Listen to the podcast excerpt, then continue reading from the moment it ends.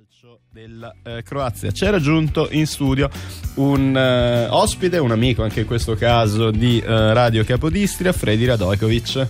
Ciao. Allora, eh, per, per ora diciamo che ti metterai in testa il cappello di insegnante del eh, ginnasio Carli di Capodistria perché poco fa abbiamo parlato di un progetto che coinvolgerà degli studenti universitari eh, in una serie di competizioni sportive universitarie in una sorta di laboratorio di giornalismo sportivo. Laboratorio di giornalismo sportivo che sei riuscito ad imbastire per quest'anno scolastico anche con i tuoi studenti. Mi piace pensare che sia un'onda lunga del progetto Dopout che abbiamo fatto assieme lo scorso anno, che secondo me aveva un grosso pregio, che era quello di ehm, sottoporre gli studenti diciamo, a una serie di attività eh, formative, chiedendo poi loro di produrre dei contenuti, così come era stato fatto con quattro audiodocumentari che erano stati mandati in onda proprio in questa trasmissione a ritmo di sport. Quest'anno gli appuntamenti eh, con laboratorio di giornalismo sportivo sono stati già eh, due, mi pare di sì. capire che ce ne sia almeno un altro già in programma da parte di queste studentesse. Allora, come ti è venuta l'idea? Come sta andando questa iniziativa? Ma l'idea eh, era già da qualche tempo che ce l'avevo in testa, eh, ma non avevo mai il modo o, il tempo per iniziare. Eh, volevo far sì che lo sport non fosse solo quello fatto in palestra o in campo, ma che si parlasse di sport anche fuori dagli ambienti sportivi, fra virgolette, quindi anche in aula, anche in- attorno a un tavolo, in un salotto, eh, anche per avvicinare allo sport quelli che forse non sono, non hanno quelle doti o, quella, o quel carisma o la voglia di sudare, fra virgolette, anche se oggi di sarebbe meglio forse farli tutti un po' muovere di più piuttosto che farli parlare, ma eh, siamo in un periodo, eh, in, un, in un- in un tempo dove anche parlare di sport fa bene, specialmente con i giovani di oggi. Sì, eh, anche perché ehm, insomma, si tratta anche secondo me di integrare l'educazione fisica, educazione sportiva, insomma qualsiasi sia il nome che viene dato a questa materia, con altre materie presenti all'interno del curriculum scolastico. Io credo che sia un limite quello di tenere l'educazione fisica come fosse un corpo estraneo, eh, mentre credo che ci sarebbe molto margine per collegarlo con altre aree dell'educazione. Nel mio caso, diciamo, a me viene spontaneo collegarlo, per esempio, con l'educazione civica, con rispetto delle, delle regole, perché diciamo che lo sport si presta a raccontare una serie di, di cose, a spiegare una serie di fenomeni magari complessi attraverso il rispetto delle regole su un campo da calcio, da pallavolo, di qualsiasi disciplina sportiva, fare il passaggio al rispetto delle regole anche al di fuori. Ma certo, lo sport può essere collegato a tutte le materie, se vogliamo eh, proprio dire. Eh, diciamo che quella che ci è più vicina potrebbe essere la psicologia, la sociologia, la filosofia, queste materie diciamo più umanistiche, parlando di etica, parlando di comportamenti, parlando di status sociali e tutte queste cose qua. Poi eh, può essere collegato alle materie scientifiche, eh, Biologia, a- a anatomia. sì, può essere collegato alla storia, alla geografia, eh, insomma lo sport è quella cosa dove si può veramente parlare in qualsiasi contesto e in qualsiasi momento e con chiunque. Quindi capisco che sei riuscita ad arruolare tre studentesse che con tanta buona volontà hanno imbastito diciamo, queste eh, conferenze, insomma seminari, questi appuntamenti, questi incontri. E eh, mi è piaciuto diciamo, il primo tema, che secondo me è il primo in particolare, perché hanno coinvolto una loro compagna di, di classe, Ilaria Macchi, e l'hanno intervistata a proposito della sua carriera sportiva, ma soprattutto a proposito della sua esperienza in relazione ai giochi olimpici giovanili che si sono svolti a Buenos Aires. Sì, è stato quello il primo impegno di queste ragazze. E veramente sono stato molto soddisfatto di questo, anche stupito forse di come l'hanno fatto bene. Eh, Di solito quando ci sono queste, queste eh, riunioni o dibattiti come li chiamiamo, eh, non ci sono domande, non c'è partecipazione da parte dei ragazzi, invece in quella, in quella circostanza sono stati tutti molto attivi e mentre io ho detto alla preside che ci servirà una mezz'oretta, poi eh, ci sono stati quasi due ore, e non, non volevano nemmeno smettere, continuavano a collaborare, a fare domande, veramente sono stato molto stupito positivamente. Anche perché forse lei parlava un linguaggio molto vicino all'esperienza dei suoi coetanei, magari ha avuto modo anche di presentarsi con una luce diversa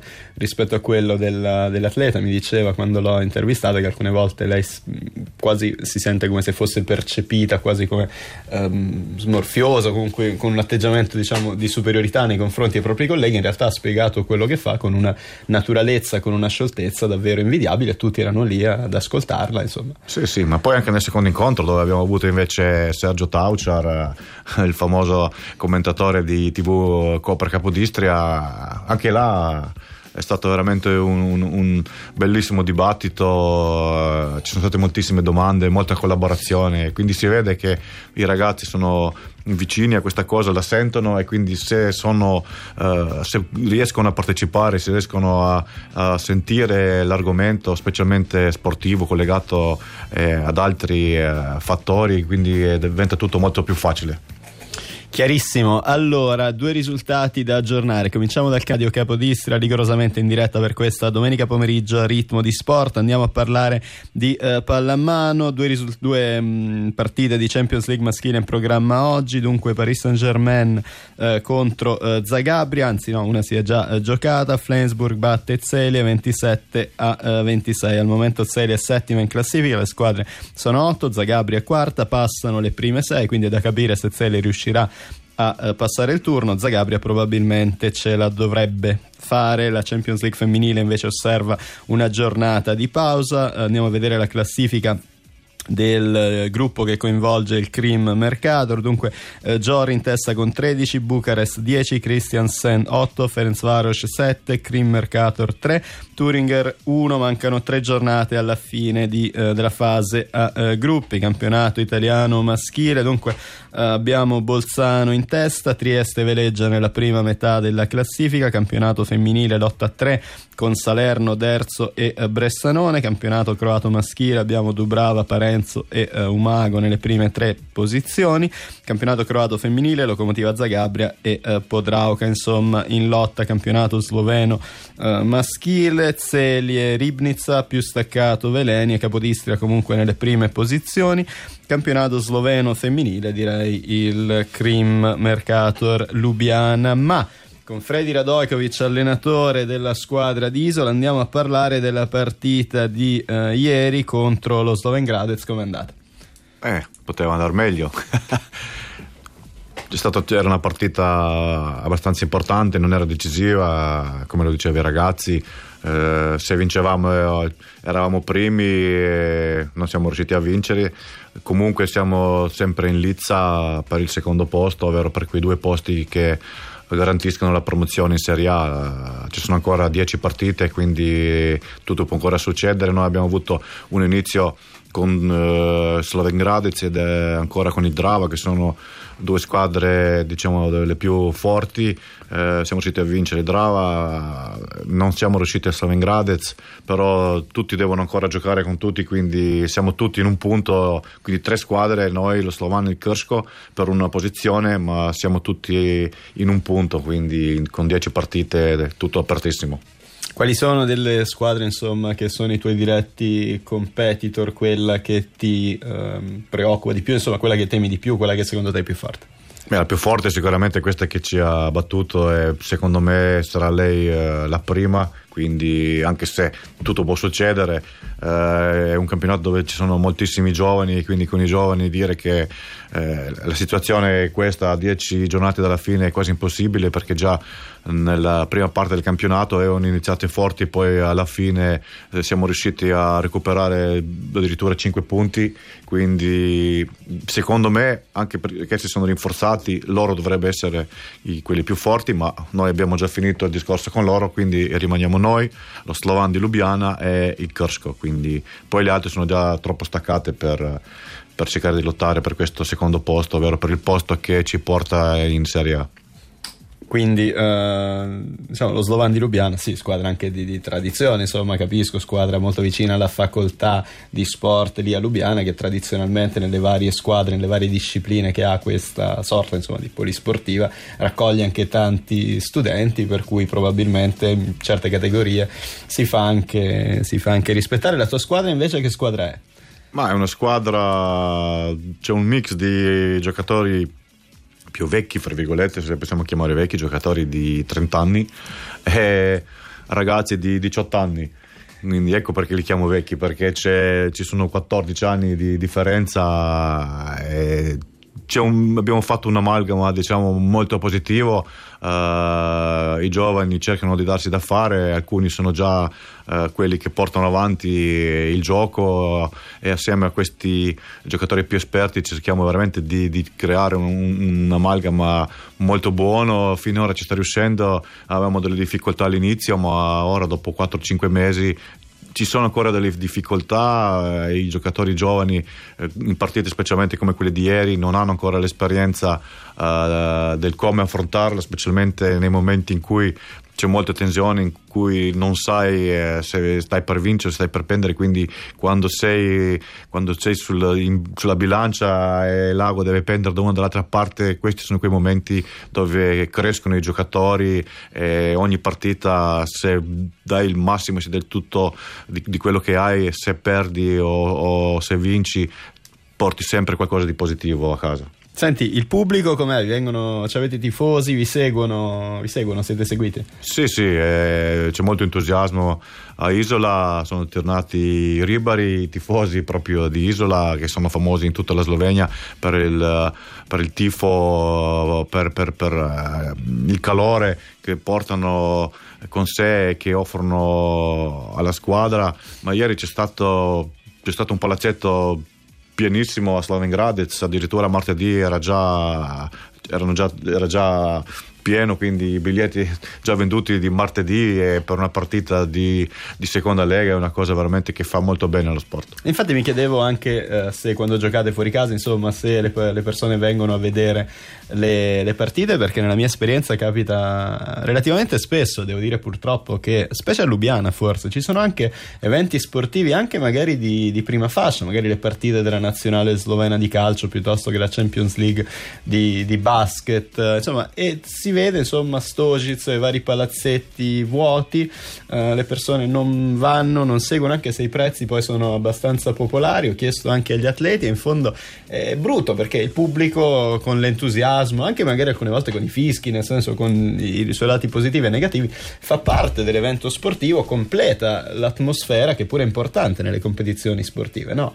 Sì, ma secondo me, uh, specialmente a Lubiana o nella capitale, non c'è uh, la cultura dell'evento. Quindi uh, se eh, se ci sono delle, delle, partite di altissimo livello allora forse si arriva a fare il pieno ma se ci sono partite anche di alto livello ma dove non, non c'è un paio che ne so eh, qualche coppa europea o qualche finale di un campionato del mondo mh, mm, la gente non viene a, a, guardare la propria squadra non viene, non viene all'evento. Diciamo, io ho girato un po' per l'Europa specialmente in Germania. In Germania anche l'ultima in classifica fa sempre il pienone perché la gente non è che viene a guardare la propria squadra a perdere ma viene a, ad un evento viene a trascorrere un pomeriggio così come alcuni vanno al teatro e c'è altra gente che viene, che viene eh, nei palazzetti dello sport. Invece da noi la gente viene solo a guardare la partita e non all'evento e quindi magari se pensa che non c'è nulla da fare non si presenta nemmeno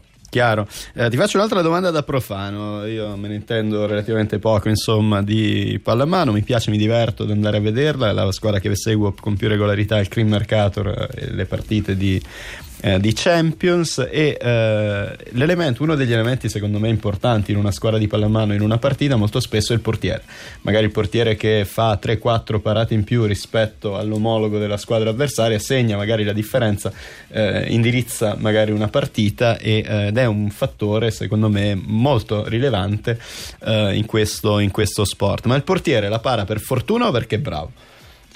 Beh, secondo me eh, chi para è bravo può succedere qualche volta che magari vieni colpito, però i bravi portieri, i grandi portieri si preparano moltissimo.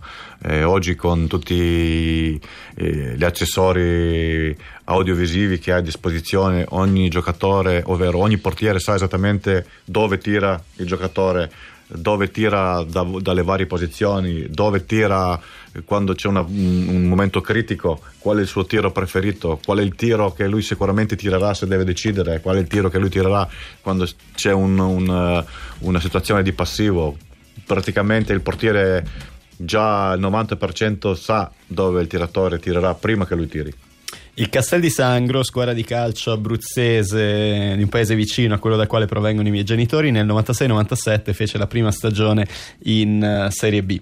E uh, nello spareggio, nella finale della partita di, di, spareggio, si arrivò ai tempi supplementari, l'allenatore Iaconi uh, tirò fuori il portiere titolare e inserì il portiere di riserva che in tutta la stagione non aveva giocato mai, lui entrò per i rigori, ne parò insomma due o tre, non mi ricordo, comunque eh, salvò, diciamo, grazie a una sua parata il Castel di Sangro riuscì ad arrivare in Serie B, fu insomma denominato lo, strago, lo stregone Osvaldo Iaconi, eroe, uno degli eroi di quella ce- celebre insomma, cavalcata e uh, nella pallamano si fa però questa, questa, mossa, magari di cambiare il portiere prima di un, uh, di un rigore. Lo si, fa, lo si, fa, così spesso? Lo si fa per confondere l'attaccante? Lo si fa per, per scaramanzia? No, molto, cioè, talvolta lo fai perché vedi che il primo portiere non è riuscito a parare, diciamo, io diciamo se non riesce a parare nei primi due, sicuramente il terzo lo va a parare l'altro.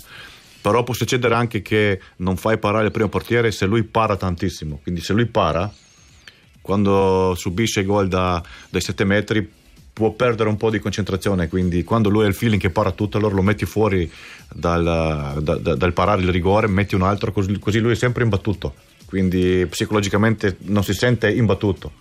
Ah, quindi comunque anche una mossa psicologica a tutelare il portiere al di là sì. del provare a distrarre in un certo sì, senso, a mescolare le carte al, diciamo, all'attaccante, nel senso alla persona che prova a trasformare sì, no, è, è, più per il portiere, diciamo che lui si sente sempre forte, quindi lui non ha ancora subito gol e non deve subirlo anche quando c'è il rigore, quindi è meglio qualche volta metterlo da parte e quindi far entrare un altro se la para ok, se no è stato lui a subire e non lui. È chiaro, chiaro, chiaro. Sì, in effetti è un meccanismo eh, logico, sì, in effetti ha un senso, non ci avrei mai pensato guardando profanamente una partita di uh, pallamano. Ascoltiamo un'altra uh, canzone in questa domenica pomeriggio a ritmo di sport. Girl